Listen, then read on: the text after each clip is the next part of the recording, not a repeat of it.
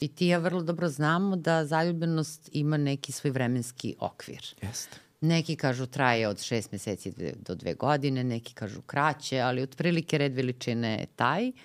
Znači maksimalno do dve godine, neki kažu 18 meseci. A on je rekao da je ljubav prepuna paradoksa. Ono što karakteriše u biološkom smislu ovaj, homo sapiensa to je da je on serijski monogaman.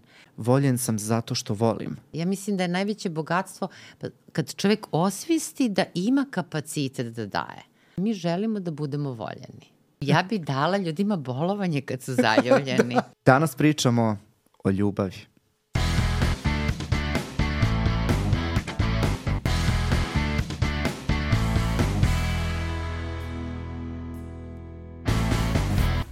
Ćao, dobrodošli u još jednu epizodu Dva i po psihijatra. E, danas, kao što sam i rekao u samoj najavi, pričamo o možda jednoj od najlepših, a možda i najtežih tema a, do, koju smo do sada obrađivali u podcastu. Um, ja moram pre nego što počnemo epizodu da kažem da svako ko gleda ovaj podcast ima načina da nas podrži. Prvo podrška naravno može da bude putem vašeg uh, pretplaćivanja na naš uh, YouTube kanal. Mi takođe imamo i društvene mreže. Nedavno smo otvorili Twitter, tako da eto molimo vas da nas i tamo zapratite ukoliko želite da pratite neke sadržaje koje tamo izbacujemo. Uh, a sa druge strane imamo i naš Patreon nalog gde možete učestvovati i upravljanju našeg podcasta, tako da e, nama ta podrška u, u ovom trenutku stvarno mnogo znači i evo želim i ovim putem da vas motivišem ukoliko imate mogućnosti da nas podržite i tamo. A, Olivera, evo nas nazad, a, dugo nas nije bilo da ti kažem, a, zajedno u tandemu da obrađujemo neku temu, a danas a, posebno se radujemo, čini mi se i ja i ti, zato što nam je tema ovako lepa. Apsolutno, pa ja, ja mislim da je nemoguće da bilo ko drugi radi u okviru dva i po psihijatra u temu nego nas dvoje. Apsolutno se slažem, da. apsolutno.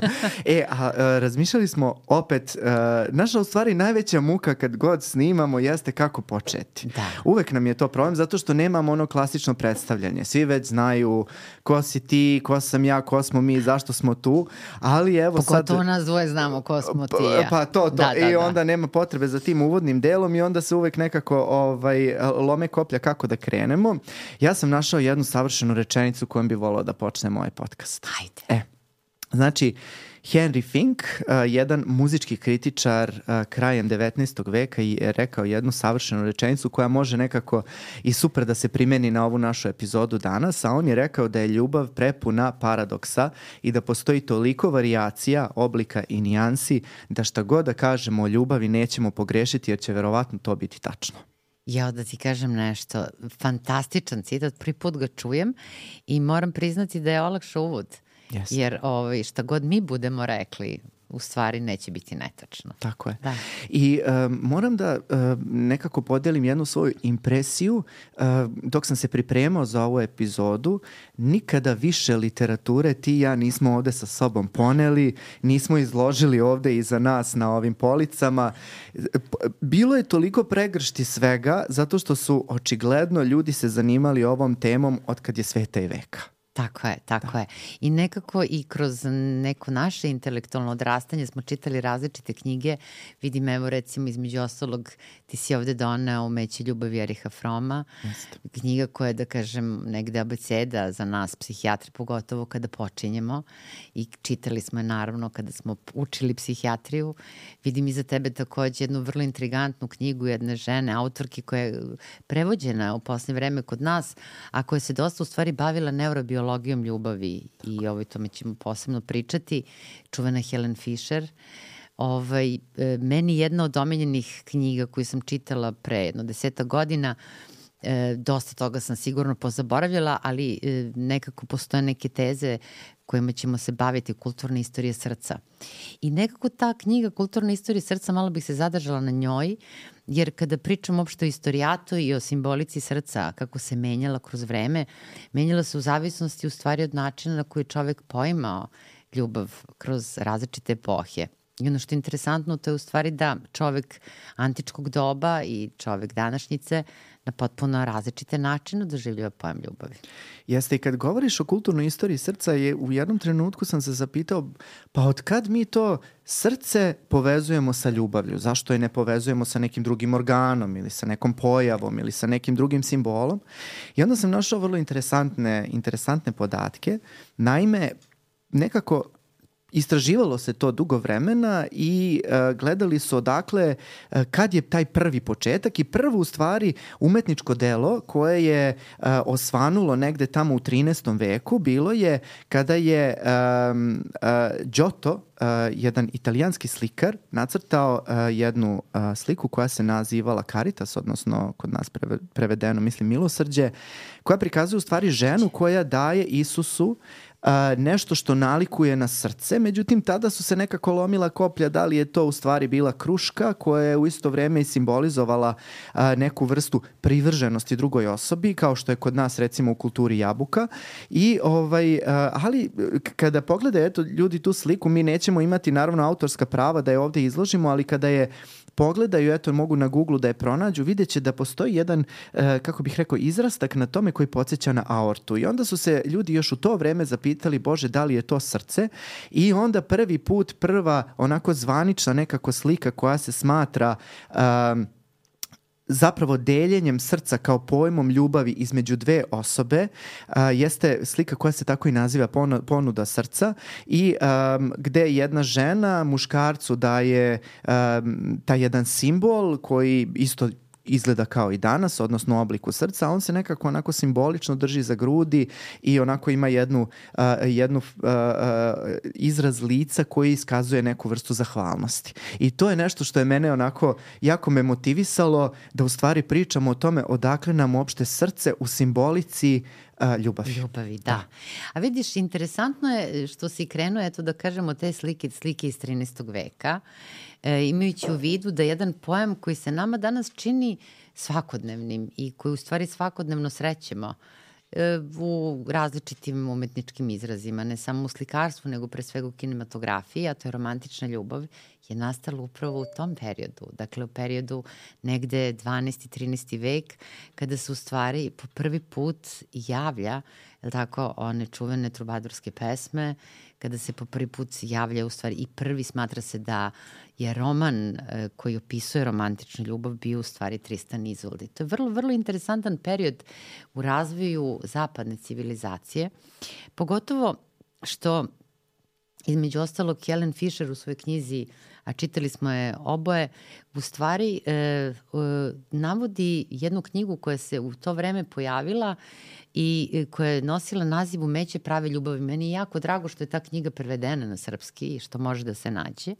U pitanju je bio jedan crkveni velikodostojnik koji u stvari pokušava da opiše na koji način i kako u stvari treba da izgleda prava ljubav a ona je u stvari podrazumevala te kodeks viteštva i način na koji su u stvari ljudi u 12. i 13. veku doživljavali romantičnu ljubav se poprilično razlikuje od one kako mi u stvari danas vidimo. Da, ali e, ne, neverovatno mi je kako se jedan a, pojam poput viteštva i jedan pojam poput ljubavi sjedinjuju u to neko, da kažem, u 13. veku, koji se smatra u stvari prekretnica poimanje ljubavi, je li tako? I uh, eto, interesantan je, možda bismo mogli eto da se malčice samo osvrnemo na, na taj prvi opis prve romantične ljubavi, jer kao što smo uh, ti ja i, i ranije nekako nagoveštavali, jeste da um, ljubav se ranije pre toga nije romantizovala na način na koji se romantizuje danas. Ranije to bilo um, ljubav, e, e, više su to stvarane veze iz neke opšte koristi. Bila je nagonska ljubav zarad potomstva. Ali kreće odjednom ta neka, prvi put se javljaju pojmovi platonske ljubavi, javlja se pojam romantizacije ljubavi, javlja se pojam uh, uh, ideala ljubavi kao takvog da. i vezuje se upravo za ovu knjigu koju si ti ovaj, pomenula. Da, zapravo uh, trubadurske pesme su upravo imale tu jednu platonsku notu i e, postojalo je pravilo, kako piše u mećima pra, e, te, da kažem, prave ljubavi, a ona se javljala u stvari između e, bogatije žene, žene iz više klase koja je obično bila udata i nešto starija i mlađeg trubadura koji mm. u stvari njoj pisao poeziju. E, naravno, kažem, bila je samo isključivo platonska ljubav i imala određene kodekse, dakle oni nikada nisu smerili, smeli da pređu tu granicu niti da uspostave fizički kontakt.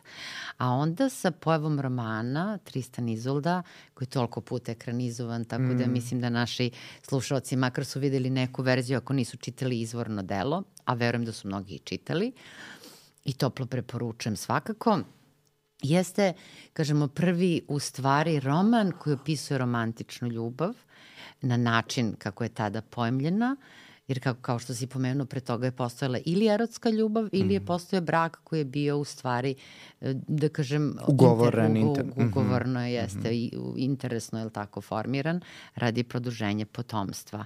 Ali strast se nije dovodila u vezu sa bračnom zajednicom. E sad, Tristan Izolda u stvari prave veliki pomak uh, Ali e, meni je jako interesantan e, i način e, kasnije, odnosno iz današnje perspektive, posmatranje generalno ne samo romantične ljubavi u Tristanu Izoldi, već postoji jedna fantastična knjiga koja se zove Psihologija romantične ljubavi koja u stvari daje jednu potpuno drugačiju notu uh, e, i koja u stvari u toj romantičnoj ljubavi ne vidi ono što mi vidimo danas, mhm. -huh. kao ideal ljubavi. Pogotovo u hollywoodskim filmovima svi smo imali neke životne faze, pogotovo kad smo bili mlađi, kad smo obožavali da gledamo, makar ove devojke vole da gledaju te romantične ljubavi i da zamišljaju stvari svoje veze na taj način. E, a o čemu se zapravo radi? Uh, U toj knjizi koja se naziva Psihologija romantične ljubavi i koja kroz analizu dela Tristana Izolda govori u stvari da romantična ljubav predstavlja jedan u stvari oblik samozaljubljenosti i projekcije onoga što bi nazvali idealno ja u drugoga i u stvari pronalaženje tog idealnog sebe u drugoj osobi.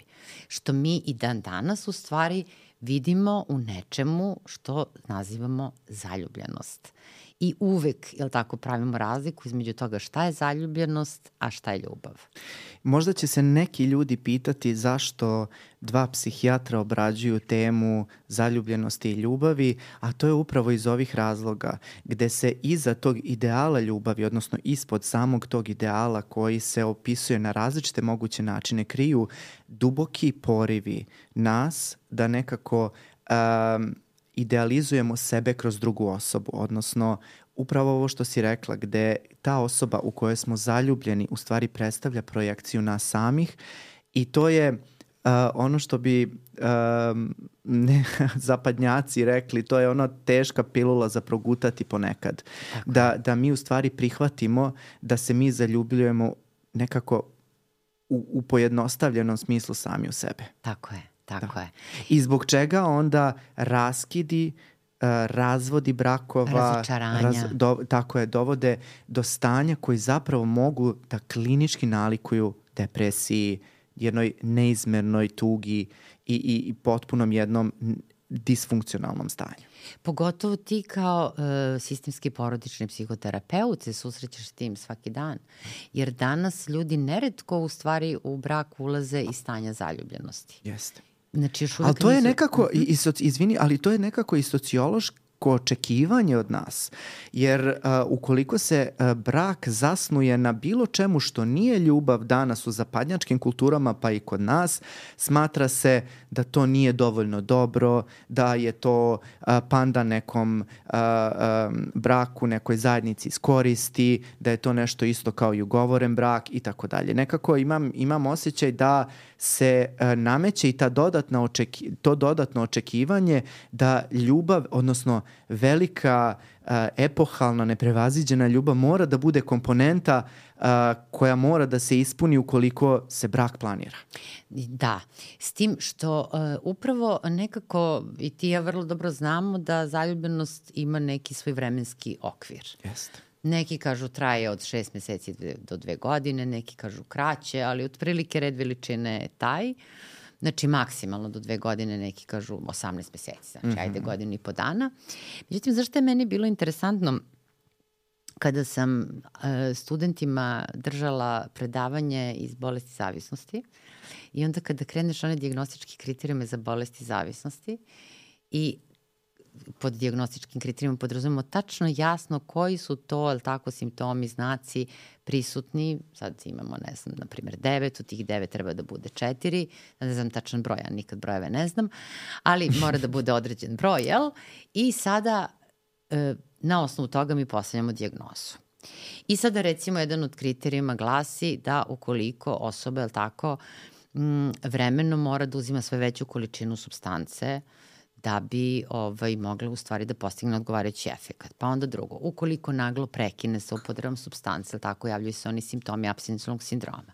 Pa onda ide e, da toliko u stvari substanca preokupira osobu da ona zanemaruje sve svoje aktivnosti i tako dalje. E, I da sad ne nabrajem sve naravno kriterijume za bolesti i zavisnosti, međutim, kad kolegama kaže mladim, ajde sad umesto reči substance, da stavimo partner – Mi potpuno dobijamo kriterijume za zaljubljenost. Da. Jer recimo, evo, znači, e, osoba u stvari ima potrebu da sve više provodi vremena sa osobom u kojoj je zaljubljena, je to tačno? Apsolutno. Ako osobe nema, je li ona pati, je li ona osjeća isto ono stanje ne, ne, kao u abstinencijalnom sindromu, ili krizira što osoba nije tu onda recimo to, uprkos činjenici da ta substanca može da bude štetna, osoba nastavlja. Znači, uprkos tome što joj okolina kaže nije to osoba za tebe, ona ipak nastavlja da se viđa s tom osobom. Pa čak i ako i sama uviđa da to nije osoba za nju. Takođe kriterijum. Dakle, ili ono malo pre što sam pomenula, da osoba zanemaruje sve druge aktivnosti. Opet imamo i kod zavisnosti. Dakle, e, uslovno rečeno, mi u stvari čak sanje zaljubljenosti možemo nazvati, uslovno rečeno, jednim oblikom, to naglašam, jednim oblikom zavisnosti, I e, biologija je ingeniozna, priroda zapravo, ne, ne bi svela samo na biologiju, priroda je ingeniozna i ona kada nađe određena rešenja, to ona su stvarno fascinantna i zbog toga ne treba da nas rastužuje to što je naš period zaljubljivanja ograničenog trajanja, Zato što kada bi mi kontinuirano bili zaljubljeni u istu osobu, pa mi bi bili potpuno disfunkcionalni. Apsolutno, ne bi mogli ni na šta drugo da se fokusiramo. Ne. Ako je neko nekada, a verujem da su svi osetili taj polet zaljubljenosti koji je možda najlepše osjećanje koje može da se desi nekoj osobi kroz ceo njen život, koje, ako je neko osetio to, ja mislim da uh, mora da se zamisli u tom trenutku šta da ovo traje 100 godina. Šta da ovo traje ma, ma i 5 godina. Mi bismo izgubili posao. Mi bi se ne bi čuli ni sa porodicom, ni sa najbližim ljudima. Potpuno bi zanemarili bilo koji drugi aspekt našeg života. Zato što tu postoji ta jedna ograničena uh, uh, velika pristrasnost prema toj osobi koja nam je od interesa, u kojoj smo zaljubljeni, gde mi potpunosti zanemarujemo drugu osobu. Sve. I sve, sve. nam je orijentisano na nju. Sve. I zamisli onda da to traje godinama. Pa, znaš šta, srećam da ne traje, ali ja bi, ja bi dala ljudima bolovanje kad su zaljubljeni. E, se slažeš ti sa mnom? Apsolutno. Zato što potpuno su disfunkcionalni. To je stvarno neurobiološki opravdano. Apsolutno. E sada, ono što je dobra vest, mislim, da ne razočaramo naročito mlade ljude. Da, zaljubljenost ima svoj rok trajanja. E sada, ukoliko su ljudi, a pričat ćemo naravno o tome šta je zrela ljubav, ili tako? Znači, zaljubljenost može da evoluira, da se razvije u pravcu ljubavi, a i ne mora. E, dakle, može da dođe do potpunog razočaranja. E sad, ono što je dobra vest, čovjek može da se zaljubi jedan put u životu. Ja znam jedna moja dobra prijateljica je uvijek govorila kako bih Olivera volela da se makar jednom godišnje zaljubi. Mislim, što je zaista, jer je to toliko divno osjećanje, da. ali kažemo s druge strane, zahteva bolovanje.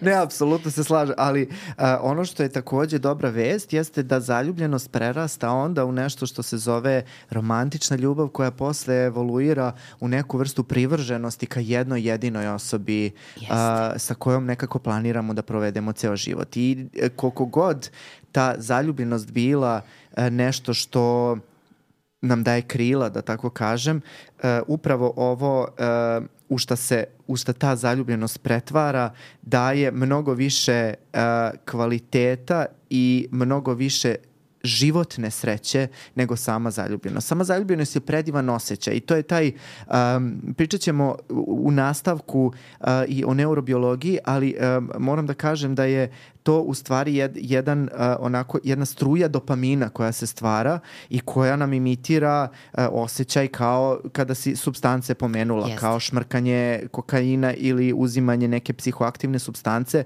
do te mere u stvari može da nas opije, ali sa druge strane šta fali ovom drugom mirnom delu života gde imamo osobu koju smo odabrali, koja nas voli i sa kojom znamo, na, na, gde u stvari znamo e, da možemo da se oslonimo na nju do kraja života, gde postoji jedna uzajamnost, jedna privrženost, jedna konstantna toplina, bez velikih oscilacija. A kad su velike oscilacije a, prisutne i o tome možemo pričati u stvari koliko to nije zdravo za odnos i negde se kosi sa a, o što se zove toksičan odnos. Da, naravno. Sad si im asocirao na više stvari. Prvo, naravno, romantična ljubav u današnjem vreme više trobadura nema. Mm -hmm. Viteštvo je davno zaboravljena kategorija. Mnogo toga se promenilo uopšte u toj kulturnoj istoriji našoj. Ali činjenica je da u stvari u današnje vreme romantična ljubav bi bila jedna kombinacija e, strasti i sta, te strastne zanesenosti s jedne strane i s druge strane postojanje bliskosti između dve osobe.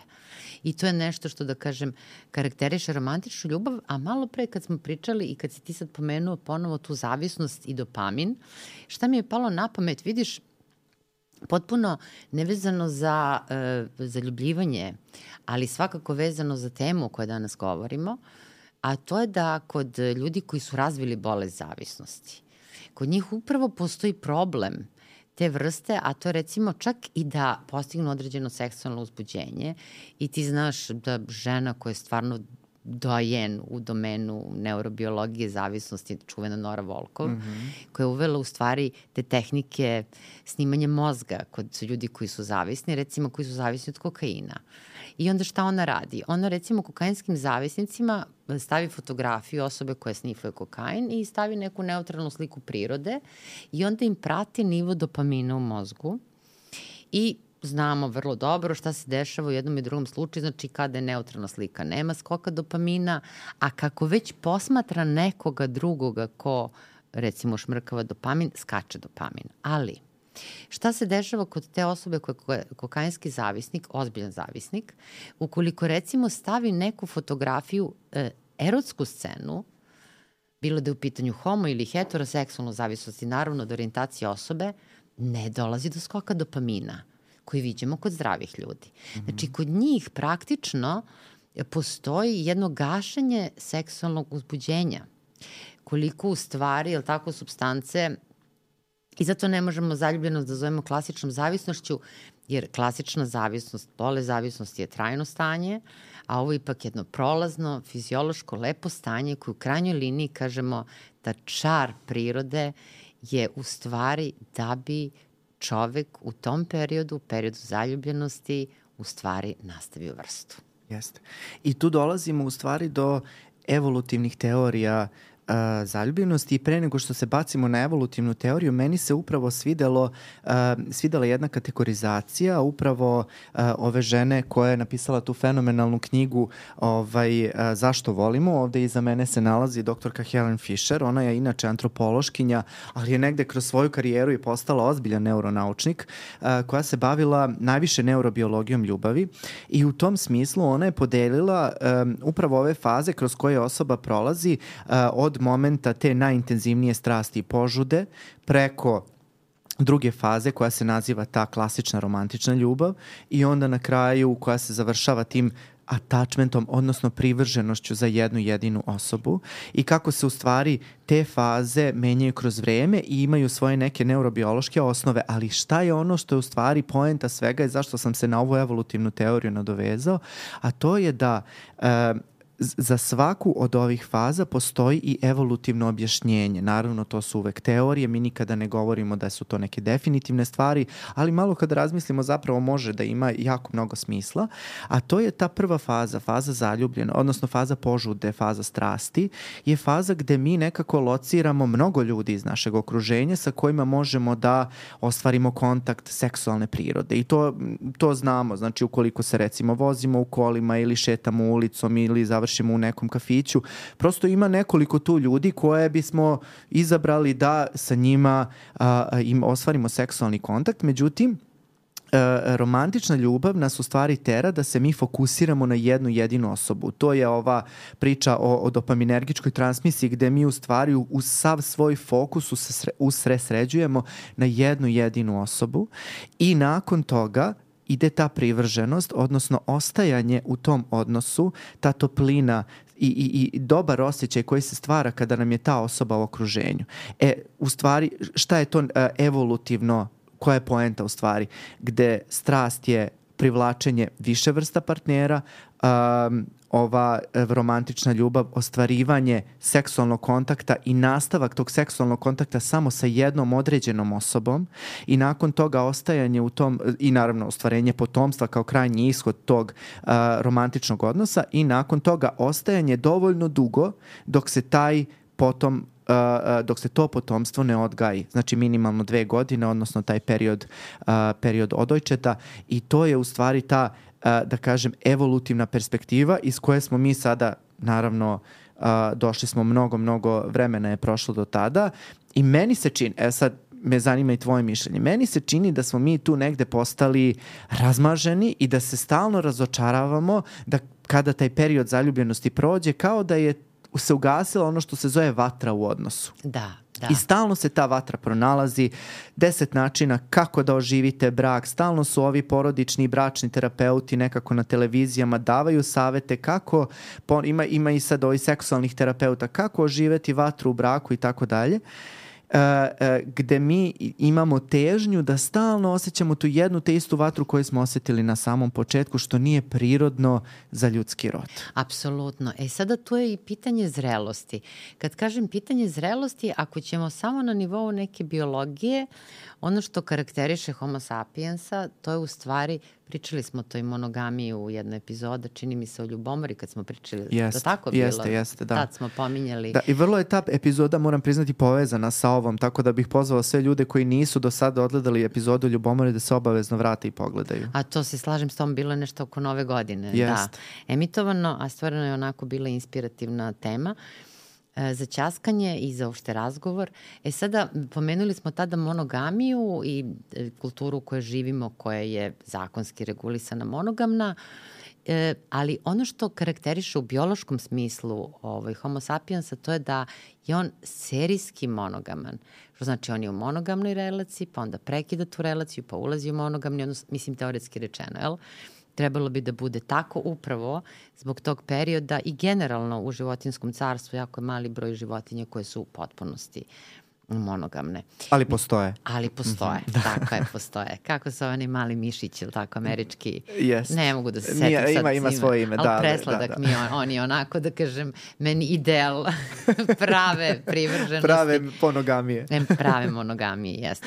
E sada, Naravno, ne govorim sad ovde o kulturološkim socijalnim društvenim faktorima, niti o personalnim, jer neko je prosto skloni monogamiji, neko nije i to je takođe poprilično i personalna karakteristika, ali ono što je jako interesantno kad si već pomenuo Helen Fisher i te tri, da kažem, ta nivoa, to je u stvari kako ona jednu staru, u stvari grčku podelu, jer u grčko doba su postali različiti termini za ljubav, u stvari dovodi u vezu sa upravo ove tri faze, tako, sa tom požudom, sa druge strane romantičnom ljubavlju, kako je ona naziva, i treće upravo to je ta povezanost i privrženost. Uh, i dovodi u vezu sa teorijama privrženosti u krajnjoj liniji i onda ona kaže po njoj u stvari da er, er, erotska ljubav je kombinacija požude i romantične ljubavi obrnuto od, da kažemo, one malo pre definicije, za razliku recimo od jedne smirene, e, nesebične, altruističke, jel tako, duhovne ljubavi koje u e, tokom Grčke, odnosno antičkog doba i u ranom hrišćanstvu imala jedan naziv koji ja mnogo volim, agape. Da. I u stvari ono što je ključna karakteristika u okviru agape jeste ta povezanost.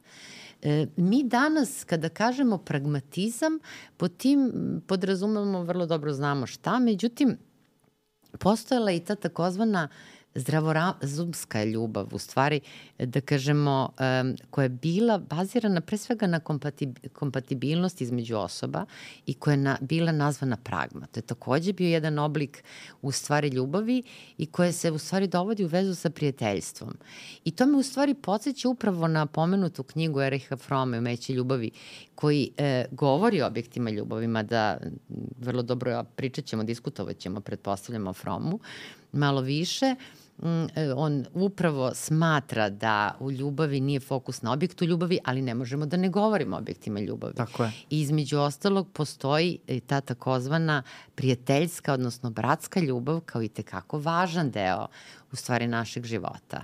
Jer naš život je prožet ljubavlju i ja iskreno mislim da jedini motor, jedini lek, jedan od najvećih smisla ovog života jeste u stvari ljubav, da i da se oko ljubavi sve organizuje i da ljubav se leči i to smo već i ranije po, pominjali, jako mi se sviđa to što si rekla.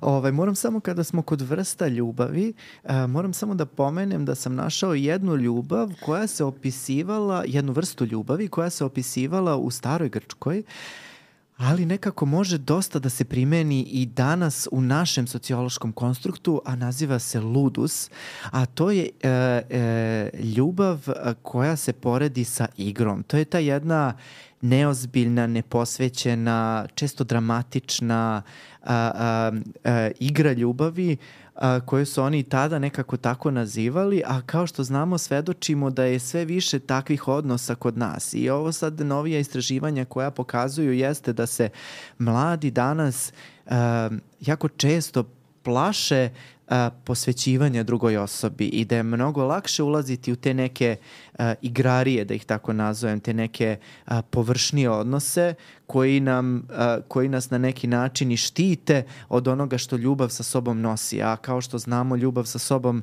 nosi prelepa osjećanja, ali i strašno, strašna i užasna osjećanja ukoliko se a, nekako završi na način na koji mi to nismo planirali i očekivali. Da.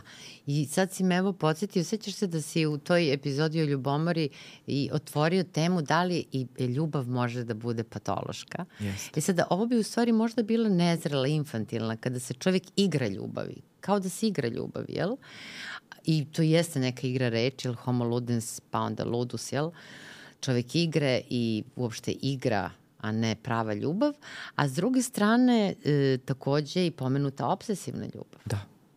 I obsesivna ljubav je takođe interesantna zato što e, sa nama nekako ima najviše veze, ali ne mislim sa mnom i sa tobom, nego sa našom strukom, a, zato što je obsesivna, obsesivna ljubav nešto što a, najviše liči na onu vrstu patološke ljubavi koju mi srećemo a, u, u praksi. U stvari, mi to često nazivamo patološka ljubomora, ali naravno a, centar, odnosno srž samog tog osjećanja jeste patološka ljubav. To je ta a, obsednutost i jedna a, posesivnost i jedna potpuna a, e, nerazumno poimanje a, druge osobe i same sebe u tom odnosu i a, može da dovede čak i do, do a, strašnih ishoda ukoliko se a, taj problem, da kažem, ne reši na adekvatan način. Apsolutno. I e, ono što sad tu postoji, da kažem, takođe kao jedan oblik pa, da li ću reći baš patološke forme, ali u svakom slučaju prazne ljubavi to je ukoliko postoji samo ova treća komponenta. Mm. A to je ukoliko postoji posvećenost, odanost. Znači, ukoliko ne postoji bliskost, ukoliko ne postoji strast, onda je ta ljubav prazna. Znači, ni sama ta treća faza, ukoliko je izolovana i ukoliko nije oplemenjena sa ove prethodne dve, ne postoji nije ljubav u pravom smislu te reči. I sada meni je jako drago što na srpskom jeziku stvarno postoji jako veliki broj, da kažem, knjiga, ozbiljnih knjiga koje se bave ljubavlju. Recimo, jedna od njih je Ljubavi priča Roberta Šten, Šternberga. Mm. Ovo namerno kažem zato što postoji one druge koje baš i nisu toliko, da kažem, kvalitetne i koje više idu na neku atrakciju, na neku tako trenutni tako... Trend neki jeste, koji se... Jeste, mm. vrlo popularan i površan. I zbog toga, evo, imamo potrebu da u ovoj epizodi u stvari nekako možda slušalcima da ih usmerimo da čitaju zaista kvalitetne knjige kojih ima. I on upravo u toj svojoj knjizi opisuje i taj fenomen prazne ljubavi, a da u stvari prava znači kompletna ljubav je ona koja ima te tri komponente. Pomenut ću ponovo, znači strast, bliskost i privrženost. Bilo koliko je izolovan neka od ovih komponenta, onda govorimo o nekim drugim fenomenima. Jel? O varijacijama. O varijacijama koji... na mm -hmm. temu, da. Naprimer, bliskost, to je samo dopadanje. Mislim, da li će osoba, ukoliko su, one mogu biti bliske, ali to je više na nivou prijateljske ljubavi, ako nema strasti. Jer e, ta strast, mislim da bi bilo možda i dobar trenutak da se vratimo i na erosa i erotiku, jel, tako, znači koja već od antike pa na ovamo se pominje. I jer nekako imam utisak da e, neretko e, se u stvari na nju gleda jednostrano, samo na kao jedno privremeno što je Foucault opisivao da je uopšte pojem erotike kroz vreme i evoluirao, I jeste činjenica da u početku se u stvari dovodi u vezu samo sa privremenim i kratkotrenim stanjem požude, odnosno uspućenja. Međutim, vremenom se shvatilo da baš i to nije slučaj, da. Jako mi je drago da si pomenula Sternberga jer on je jedan od, eh, kako bih rekao, dojena u izdraživanju ljubavi I upravo ovo što si navela uh, me motivisalo nekako da razmišljam o tome koliko možda ranije u Štenbergovo vreme nije bilo toliko prazne ljubavi koliko je danas ima. Da. I to je nešto što mene uh, moram priznati u poslednje vreme strašno poražava uh, i, i navodi me da se pitam da li je um, prazna ljubav u stvari rezultat tih praznih požuda koje se javljaju, praznih načina ulazaka u odnos. Jer um, sad istraživanja razna pokazuju da ljudi ulaze u odnose 40 do 50% preko recimo društvenih mreža ili preko uh, ovih uh, aplikacija za upoznavanje ljudi. I uh, to je poprilično nekako površan način upoznavanja i površan način biranja ljudi i da od tolikih silnih opcija ljudi stvore jedan potpuno izvitopereni način, uh, izvitoperen sistem vrednosti, izvitoperene kriterijume kako se ta osoba upoznaje, koga treba u stvari tu izdvojiti i upoznati. Pazi, ne znam da li si nekada otvorila neku dating aplikaciju, ali to je potpuno... Pa ali evo, ja ti kažem, znači to je potpuno jedna jedna pijaca, jedno, ne znam kako bi ti opisao, znači pa, tržište, jedna, tržište, apsolutno jedno, jedno igranje sličicama gde se a, te mhm. sličice mm -hmm. bacaju levo i desno i ti tu biraš od gomile, gomile ljudi, neke ljude koje a, a, ti smatraš da su uh, adekvatni za tebe u tom momentu i obično se nekako ni ne završe, eto to mi i kažu ljudi koji koriste te dating aplikacije uh, da se uh, i, i najčešće i ne završavaju upoznavanjem, nego eto čekaju da se desi nešto što bi se verovatno desilo mm -hmm. da te aplikacije nema, odnosno da se ovaj, u, u, upoznavanje krenulo zapravo da se ta, svaka od tih osoba koja ima nekog potencijala zapravo upoznavala i da su se ovaj, neke, neke stvari tu posložile na neki malo prirodniji način. Mm -hmm. E pa tu već vidiš koliko je Fromm u stvari bio vizionar. Jeste. Kad je on pisao svoje dela i kada je u stvari opisao taj odnos samog čoveka prema sebi kao prema robi. I u stvari to jeste ovo kako mi ti opisuješ u stvari tačno mogu da zamislim u stvari kao jedno tržište, jel? Jeste. Kao što danas u ostalom To je onaj čuveni dokumentarac Švedska teorija ljubavi, možemo i na to jednog momenta da se vratimo, vrlo interesantna. Jedna politička agenda koja je nastala 70. godina 20. veka u Švedskoj, sjajan dokumentarac titlovan je na srpskom jeziku koji je doveo poprilično do promene u odnosima unutar pre svega primarnih i sekundarnih porodica. Ali šta Freud u stvari, šta, pardon, šta Fromm negde u stvari apostrofira, a to je e, e, početna premisa od koje mi krećemo kada pričamo o ljubavi mi u stvari krećemo da pričamo o tome da mi želimo da budemo voljeni, a ne da mi volimo. To je broj jedan. Mm -hmm. Drugo, o čemu on takođe priča, to je u stvari da li je, e, da kažemo, ljubav nešto što nam se dešava ili ljubav u stvari predstavlja jedno umeće. E, da li mi želimo da volimo i koga mi u stvari volimo. I onda naravno on dalje razrađuje te sve objekte ljubavi, ali ono o čemu počinje i e, gde je, da kažem, glavna predrasuda jeste upravo pitanje ako mi zapravo e, smatramo, a smat, to je pogrešan stav, da treba da budemo voljeni, da treba da imamo određene atribute, tako? Da, da treba da imamo određene kvalitete, da bi na tom tržištu, ljubavnom tržištu, je tako, bili poželjni. Da bismo se izdvojili iz gomile. Da bi se izdvojili iz gomile, s A nekako svi, sa druge strane svi postajemo deo istog. Da. I to je taj paradoks zato što tu From lepo u stvari apostrofira E, naravno, oni žive u periodu kada je egzistencializam bio u cvatu i onako kada je bio u vrhuncu, u zenitu i drago mi je što egzistencializam i dalje živi, pre svega kroz Jalomova dela, dobro znamo, ali e, u tom periodu nekako to je baš onako bilo. Izraženo i mnogi autori su baš pisali iz te jedne egzistencialističke perspektive, da onog trenutka da rođenjem čovek u stvari je izolovan na svetu, je tako, i da se onog momenta kad se rodi, kad stekne svest o svom postojanju, da on postaje svestan da on nije na svetu nije izabrao da se rodi, da nije izabrao, a izvesno je da će da umre, da je izolovan od ostatka sveta mm. i pokušava na neki način da tu svoju izolaciju prevaziđe i nismo tu mnogo originalni. Mno, nekoliko je možda modusa kako čovek jel tako, pokušava u stvari da napravi kontakt sa svetom oko sebe i u stvari jedini pravi način jeste kroz ljubav. A ti si upravo malo prepomenuo ono čemu čovek neretko u stvari teži ili šta radi, a što nije u stvari ljubav, to je konformizam, kada Jeste. hoće da pripada grupi. Jeste.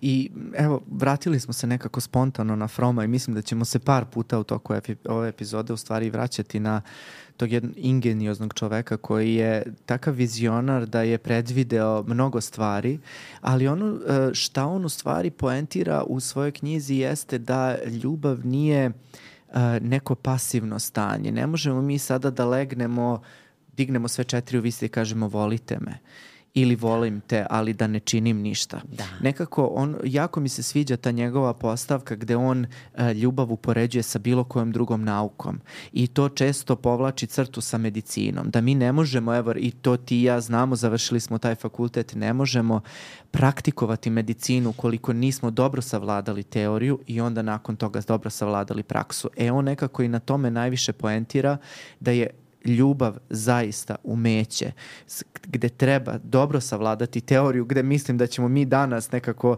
teoriju dosta da, da raščlanimo na delove i onda da se stavi u neku praktičnu uh, perspektivu gde osoba zapravo može i mora da primenjuje, odnosno da aktivno deluje kako bi tu ljubav stekla, održala i kako bi se ta ljubav nastavljala u njegovom životu. I jako mi se sviđa taj proaktivni pristup ljubavi.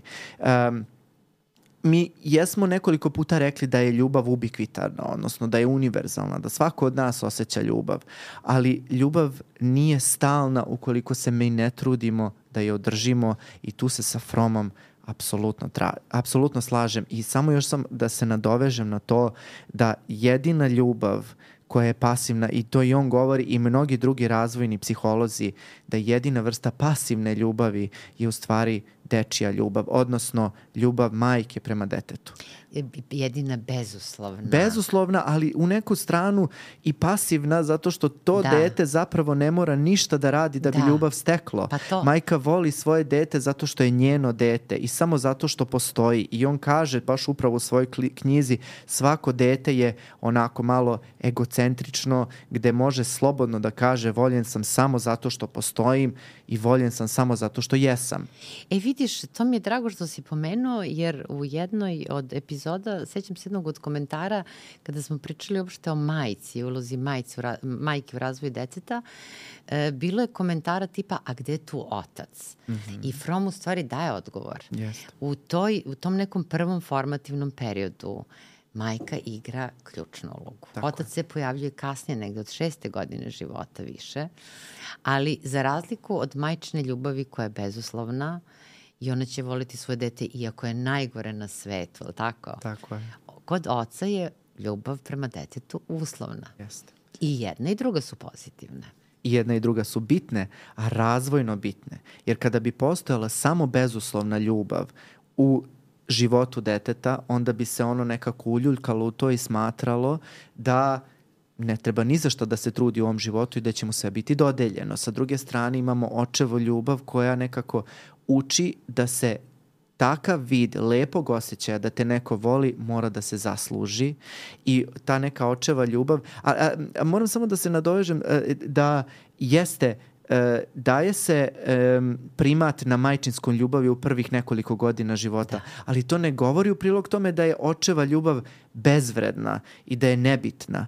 Baš suprotno, očinska ljubav je takođe, ako ne jednako bitna u razvojnom periodu za dete, samo u različitim vremenskim, vremenskim periodima. Pe, tako je, tako je. Jer, I mislim, uči u različite stvari. Prvo, majka doji. Tako je. za početak. za početak, da. Za početak majka nosi dete. nosi dete i onda, pa onda ga doji. doji jeste. Pa ga drži u ruci, jel ta, odnosno u naruči, jel tako? To je prvi kontakt. I to je u stvari deči prvi kontakt sa svetom jeste majčinski zagrljaj. Jeste. Ili zagrljaj onoga ko je ovaj, primarnog objekta, kako ga nazivam, ali tako, u širem smislu te reči, ukoliko dete nema majku. Ali zbog toga je majka u tom nekom periodu dominantna, a posle se pojavljuje otac na sceni takođe podjednako bitan. I ta Just. dinamika i to fino tkanje i ta interakcija između uh, o, uh, ljubavi majke i ljubavi oca u stvari omogućavaju jednu vrstu zrelosti koje će kasnije kroz život dati detetu kapacitet da razvije zrelu ljubav, a koja podrazumeva da može da funkcionise, da, da bude sjedinjena sa drugim, ali na način da to dvoje ostanu i svako za sebe individua, da jedno drugo ne progutaju. Tako je. I nekako ta nezrela ljubav, gde je voljen sam samo zato što postojim, menja se i po, dobija potpuno novu perspektivu, voljen sam zato što volim. Da. I prelazimo u tu proaktivnu ulogu. E, nekako ne mogu da zaboravim e, taj period oko šeste do sedme godine. Sećam se kad sam prvi put nacrtao nešto za svoju majku Uh, i odneo sam joj to nešto i kada sam video njenu reakciju koliko se ona oduševila tom nekom moram priznati, užasnom razglednicom koju sam napravio u tom periodu preškolskom uzrastu, ali taj osmeh na njenom licu je men, u meni stvorio taj uh, osjećaj da davanjem mogu da prouzrokujem povratnu reakciju, odnosno da prouzrokujem ljubav. I um, to je From i govorio da u stvari ta, uh, to prvo davanje nečega našim roditeljima i ta prva reakcija u stvari stvara osnov za to da mi možemo da pređemo u tu proaktivnu ulogu i da stvaramo prve temelje odrasle ljubavi ove koje si, odnosno te zrele ljubavi koje smo i da ne bude, uh, da, da se ne vodimo više tom krilaticom nezrele ljubavi volim te jer si mi potreban nego da idemo potreban si mi jer te volim. Tako je. Znači, e, zrela ljubav ne podrazumeva potrebu čoveka da ga neko voli, nego da on voli, da on pre svega daje. Tako je. I to davanje From vrlo detaljno opisuje. Jer e, koliko puta u životu smo sreli da neko, recimo, e, ti se žali, kaže, stalno nešto od mene traže Pa toliko je lepota u davanju. Pa to je, ja mislim da je najveće bogatstvo pa kad čovek osvisti da ima kapacitet da daje. Ono što kažu, hvala ti Bože na davanju. Na davanju u smislu da možeš da daješ, da pružeš u bilo kom domenu. E sada, ljudi kad se žale kako od njih svi traže da im nešto daju, obično smatraju u stvari da davanjem kao da im neko nešto oduzima, kao da im neko nešto otkida, kao da su žrtve. Mm. A u stvari ne shvataju koliko bogatstva u sebi nose i koji potencijal u sebi nose čime mogu da daju. Naravno, tu ne mislim na materijalne vrednosti, naravno možemo davati Može materijalno. i da bude, da. Možemo da Mhm. se dajemo i u seksualnom činu, možemo na razne načine da se dajemo, ali najveći vid davanja je u stvari davanje sebe samog, svog prostora, svog vremena, svog bića, i svega onoga što mi u stvari nosimo. Mm -hmm. Da. I koliko je to, to davanje u stvari jako važna karakteristika jedne zrele ljubavi, za razliku opet od jedne patološke forme, jer nekako uvek mi psihijatri naravno se bavimo i tim patološkim formama i to je ono s čim se susrećemo, ali tako? To je ta takozvana simbiotska ljubav. Ta sadomazohistička ljubav E, I moram reći da naravno ne mislim tu na m, samo da kažemo na seksualni nivo sadomazohizma, Na nego fetišarski, da, da, da, tako nego- je, nego. nego na jedan psihološki, mm. jel? Gde um, postoji jedno pravilo koje mi naučimo jako brzo kad dođemo na psihijatriju, a to je da osoba koja ima sadizma, gde ima sadizma, ima, ima zohizma. Ne mislim samo u odnosu, već mislim i u samoj osobi. Dakle, osoba koja nosi sadističke crte u određenim relacijama i tekako može da pokazuje mazohističke osobine i obrnuto. U zavisnosti od toga prema kome je usmerena, na koji način. Ali From jako lepo upravo piše o tom, da kažem, sadizmu i mazohizmu, da. Ali nebitno je da li je sadizam ili mazohizam u pitanju, uvek je podloga ista, a to je ta nezrelost i uh, nezrelost u stvari sposobnosti da se a, ljubav na adekvatan način daje i prima. Upravo to. Upravo to, jer jedina osoba koja je ipak prevazišla te neke infantilne, te, da kažeš, nezrele karakteristike poput recimo zavisnosti, onda narcističke preokupiranosti sobom i tako dalje. E, jedino one u stvari i mogu da dosegnu taj zreli, zreli nivo ljubavi. Jeste. Da. Jeste. I to je nešto što da kažem onako, e sad tu postoje naravno i neki drugi stavovi koji su jako važni i e, za tu zrelu ljubav, pre svega tu mislim jel tako na brigu, na brigu o drugome. Da. Koliko je briga u stvari a, a, bitna, a samim tim ima i mnogo veze sa ovim što smo do sada pričali, a to je čin davanja. Nekako mi briga najviše na to liči. Davanje um, našeg uh, i, i, i moram priznati mentalnog napora uh, drugoj osobi kako bi ta druga osoba stalno uh, unapređivala sebe. Meni na, nekako na to najviše liči. Da. Jedna nesebičnost, jedan altruizam. Briga mi najviše iz, tog, Da. iz toga ide. E, vidiš, a tu uh, uvek sam se pitala um, kada su muškarci i žene u pitanju, uh, pošto negde pomenuo si evolutivnu teoriju i onda iz te, kažem, te evolutivne perspektive uh, žene uvek traže muškarca zaštitnika. I onda sam se pitala, a zbog čega i na koji način u stvari Evo recimo kad je bio gost Ivica Mladenović i kad smo pričali o bolestima zavisnosti, a vrlo dobro znaš u okviru porodične terapije, da mi imamo jednu situaciju u psihijatriji, a to je da ukoliko žena bole od mentalnog poremećaja, recimo od alkoholne zavisnosti ili od depresije ili od bilo kog drugog poremećaja, nekako u početku su partneri tu uz nju. Da bi vremenom dolazilo, nažalost, u situaciji da ona ostaje prepuštena sebi. Za razliku od obrnute situacije u kojoj kada, je muška, kad muškarac ima problem, suprug, žene su uvek tu i do kraja su tu. I onda sam se pitala ako je žena ta koja nekad i implicitno i nesvesno pokazuje jednu dozu nemoći da bi prevukla partnera, jer on je taj koji je zaštitnik, zašto se ovo onda dešava u svakodnevici? Zato što mi u stvari mešamo dva pojma, a to su zaštita i briga. Briga, nežnost su karakteristike žena, a zaštitničko ponašanje je karakteristika muškog pola. I vrlo moguće da otud, u stvari, da više u stvari iz ove brižnosti proizlazi ta potreba žene da bude uz partnera, čak i kada je u nevolji i kada je sa nekim duševnim smetnjama. One su uvek, nekako uvek opstaju i uvek ostaju svoje partnere, da. I ne samo partnere, ono što meni govori praksa jeste da mnogo češće i ostaju svoju decu Jel kada tako? je problem u pitanju, da. Čes, češće moram priznati, čujem, nije sada to ono mrtvo slovo na papiru, ali moram da priznam da češće čujem da kada recimo dete ima ozbiljan psihijatrijski problem, da su očevi ti koji beže iz kuća, koji beže u posao, koji uh, traže razvod braka, traže prekid odnosa, sele se, ne mogu da izdrže i tako dalje. To je ta uslovna ljubav, da. E, to je ta, e, to je to, je to upravo. Yes. Mislim, koja, da se razumemo, ima jako pozitivne strane.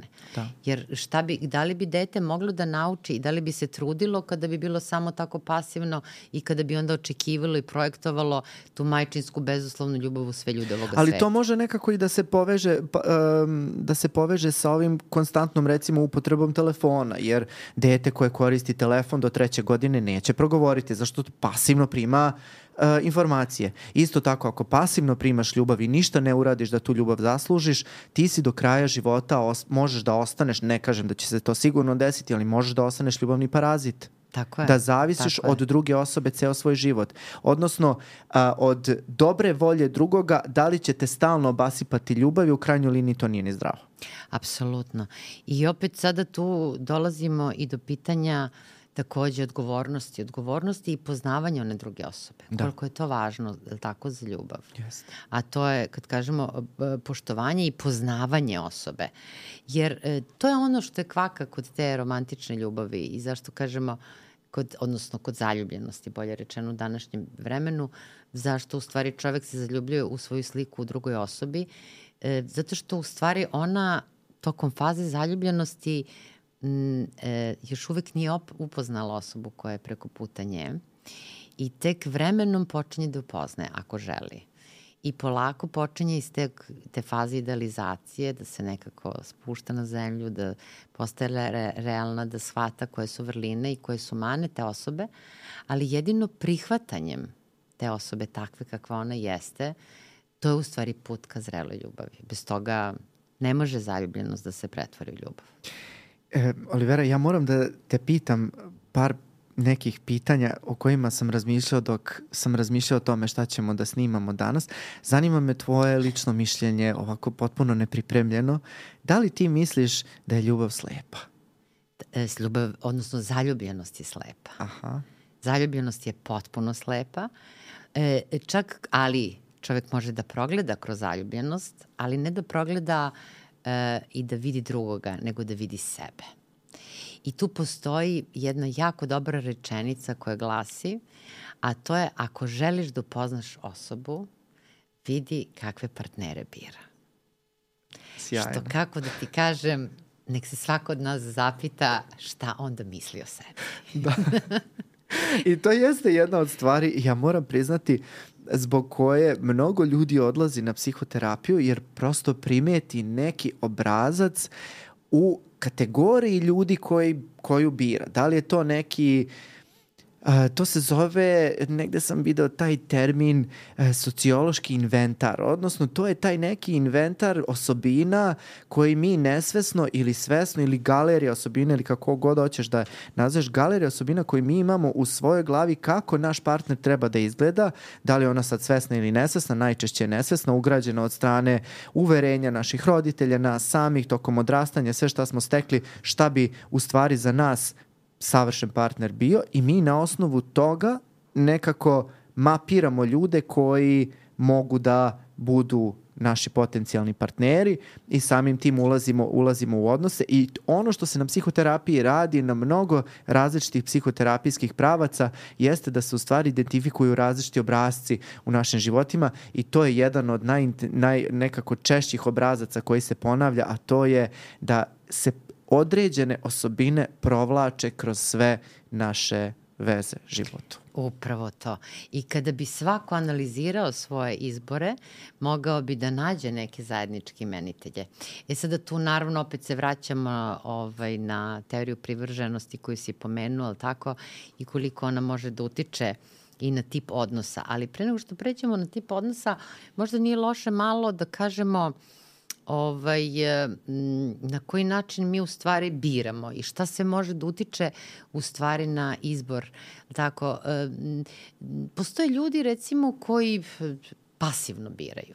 Kad kažem pasivno biraju, e, uglavnom tu mislim na one ljude koji biraju one osobe koji ih vole. E sada, u jednoj od epizoda bilo je priča upravo o e, estetici e, o izgledu, fizičkom izgledu, atraktivnosti. To smo isto ti i ja radili, I, da. I zajedno smo zajedno, malo se da, bavili tom temom. I sada pitanje izgleda, fizičkog izgleda. Sada tu su podeljena mišljenja, postoje ljudi koji misle kako ljudi koji imaju, koji su lepe fizionomije, da imaju prednosti u životu. Ja se s tim baš i ne slažem. Ne slažem se zato što prosto uh, e, postoji jedna čak rečenica kada je u pitanju, je tako, recimo osoba ženskog pola, a lepog izgleda, kaže žene mrze, muškarci je se boje.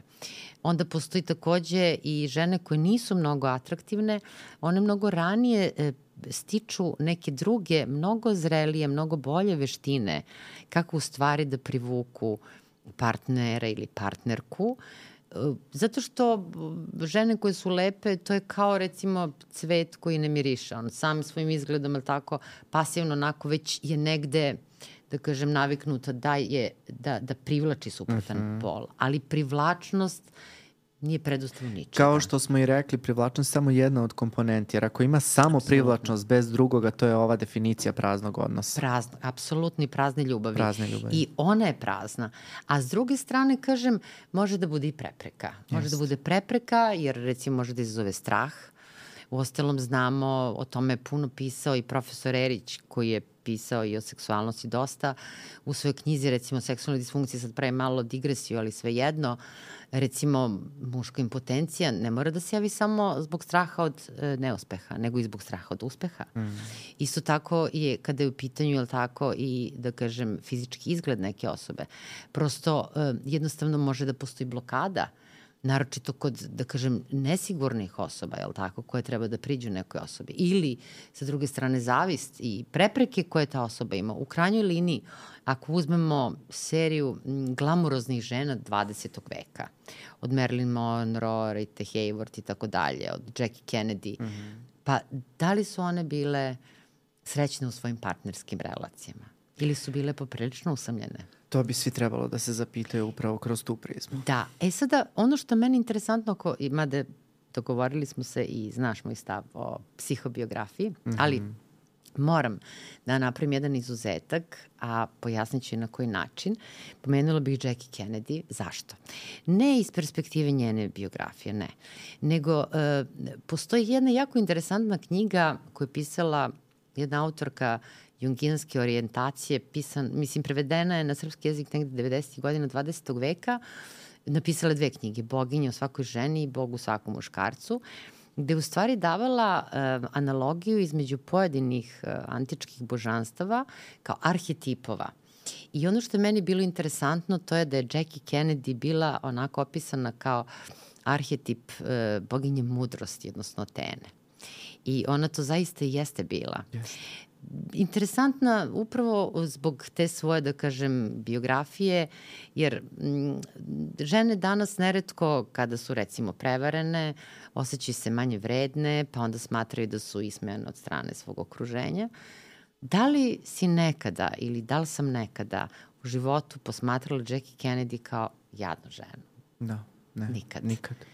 A planeta Zemlja je znala da, da je da. njen muž imao ljubavnicu. Da, da. Dakle, zaista koju je snagu i koju je, ovaj, koji je kapacitet ta žena u stvari u sebi posjedovala. Mm. Da. Mhm. Zbog da. toga mi je, da kažem, posebno interesantna. Ali, pored tog fizičkog izgleda i mnoge druge stvari, e, ako bi se ljudi pitali šta je u stvari uticalo na njihove izbore, ti si pomenuo, da kažem, sad pitanje, znaš, ono kažu slično se sličnom raduje ili suprotnosti se privlače. Sada, Da li jedno ili drugo? da, da, ajde objasni. Ajde šta da objasnimo, da, da, da. da. Ko u stvari, ko, ko, ko, koga tu privlači? E, slično, da. slično ili suprotno? Da, e, pa znaš kako, ja bih e, nekako mi jedno i drugo u nekom smislu ima nekog smisla, a opet nema nikakvog ovaj, bilo koje od te dve Misliš, rečenice. nema generalizacije? Nema generalizacije, apsolutno. Mislim da to ne možemo, mi generalno ne generalizujemo u ovom podcastu, a tek sad mislim da ne bi trebalo, da ne bi ljudi ovaj, dobili neku pogrešnu sliku uh, da li zapravo treba da traže suprotnosti u nekome ili sličnosti. Mislim da ima i jednog i drugog u zavisnosti od toga šta tražimo. Ali uh, gledao sam neka istraživanja koja su se bavila time koga ćemo mi u stvari izabrati uh, u gomili ljudi na ovom svetu. To jeste jedno onako uh, ogromno pitanje gde su se decenijama istraživači, pogotovo iz oblasti antropologije i psihologije, zapitali uh, kako je moguće da mi izaberemo jednu osobu pa a ne drugu. Isto su se to i pitali ljudi koji su observirali životinsko carstvo. Zašto bi jedna slonica izabrala jednog slona, a ne drugog? E sad, tu postoje mnogo nekako primitivniji načini a, privlačenja, pa su oni nekako i očigledniji za razliku od, od, od ljudske vrste koja je nekako opet mnogo kompleksnija u tom smislu i a, ti načini a, igranja, privlačnosti i ljubavne igre i ostalo su mnogo subtilnije. E sad ono što su našli jeste naravno blizina. Dakle neko ko nam je blizu će sigurno ovaj biti pre u opticaju nego neko ko nam je daleko. Neko naravno ko ima isto to sociokulturološko ekonomsko poreklo da smo nekako na istim na istim talasnim dužinama što se kaže, odnosno na tom nekom istom intelektualnom kapacitetu da ima delimo iste standarde lepote i ovo što si rekla, dakle ne lepote kao takve, nego da imamo iste standarde o lepoti, isti pogled na lepotu, u stvari šta je lepota lepota za, za svakoga od nas. Naravno, tajming je jako bitan, da se prosto nađemo u isto vreme na istom mestu. A, ali e, opet e, i, i mnogi naučnici su se onda zapitali pa dobro, ali šta ako uđeš u, ist, u sobu u kojoj nekako su ljudi koji su iz istog tvog sociokulturološkog miljeja, da ste istih nekako intelektualnih kapaciteta ili sličnih, delite iste standarde, norme, uverenja o životu i tako dalje, zašto ćete upravo izabrati ovu osobu? E tu onda dolazimo do ove malo i priče o a, ličnosti i neurobiologije, odnosno da sklop crta ličnosti i nečega što mi ono kažemo zračimo, odnosno feromoni i ostali ovaj uh, hormoni privlačenja uh, u stvari utiču da jednu osobu izaberemo pre one druge. Dakle, vrlo kompleksna priča, ali nekako ovako kad idemo kao levak se sužava da, i na kraju dolazi da. do te jedne, jedne osobe koja da. nas privuče. A vidiš, ovo je jako važno zato što e, neretko nas, reći ću klijenti, namerno, a ne pacijenti, zato što u pitanju su osobe koji nemaju e, duševne smetnje, koji nemaju mentalne poremeće, nego koji imaju probleme življenja ili recimo tipa, recimo upravo to pitanje partnerskih relacija, ili bilo koje drugo nesnalaženje u životu, u svakodnevnom životu, jel? Ne možemo ih zvati pacijenti svakako. Možda nije najsrećnije ovaj termin klijenti, ali je uh, nekako uh, prisutan u našem jeziku. Pomenuo si tajming. Mnogo važna stvar. Zašto važna stvar? Zato što prosto e, postoji nešto što se zove, što, ono Dickens što je nazvao špurius. Znaš, trenutak. Desi mm. se neka osoba, jel? Desi se situacija, desi se e, šansa. Međutim, ukoliko je osoba u tom trenutku previše preokupirana nečim drugim, ona neće primetiti. I onda, znaš, kad nas ljudi pitaju kako ja u stvari da nađem partnera ili partnerku.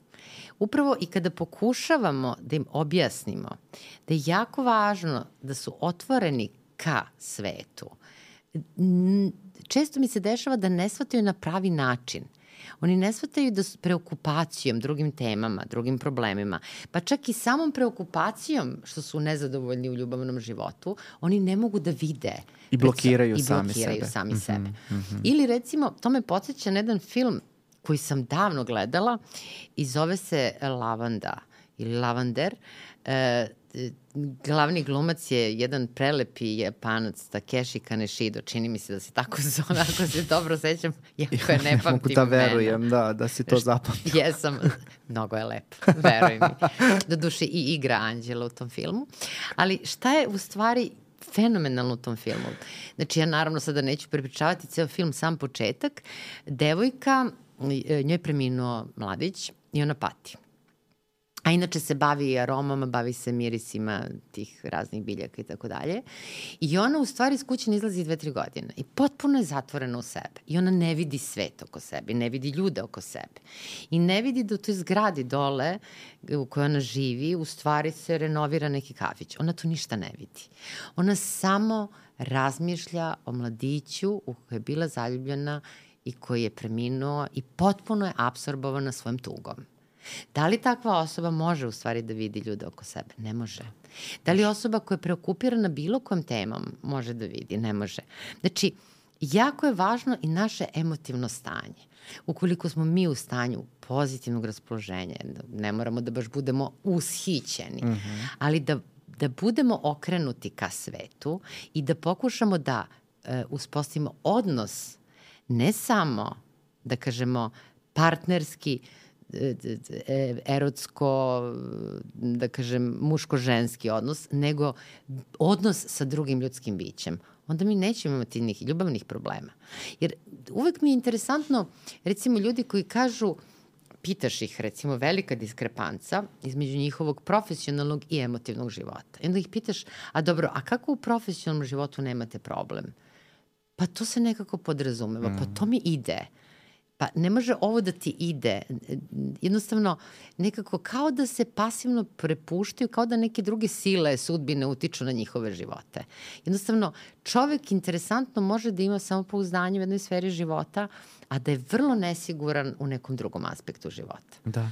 I um, podsjetila si me upravo i dok sam bio na specijalizaciji i kada si mi ti držala, um, odnosno svim specijalizantima, one slavne kliničke časove i kada smo uh, obrađivali pažnju, upravo smo se doticali mm -hmm. tog fenomena selektivnosti pažnje i koliko u stvari naša pažnja, odnosno jedna od osnovnih psihičkih funkcija, zavisi od naše unutrašnjosti, odnosno našeg emotivnog, da li naboja, da li stanja, da li stanja svesti u tom momentu i tako dalje, koliko su u stvari ti delovi a, našeg mozga u, u toliko isprepleteni da u stvari jedni od drugih zavise. I upravo mislim da je to odgovor na jedno od najvećih pitanja u psihologiji ljubavi, a to je da li postoji ljubav na prvi pogled.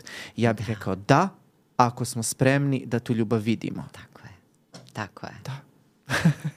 ja ne znam šta dalje nastaviti da, da posle, ovo, posle ovako stvarno ovaj, prelepe priče. Ja sam imao hiljadu drugih asocijacija, ali to možemo da ostavimo za Patreon ako se slažeš. Slažem se, apsolutno. E, dobro. Dragi moji ljudi, nadam se da vam se svidela ova naša priča o ljubavi. Još ću vas jednom motivisati da nas podržite. Evo na YouTube-u to nam najviše znači da a, podelite sa nama vaše impresije na ovaj naš razgovor ukoliko smo vas podstakli na razmišljanje, a ja se nekako nadam da jesmo.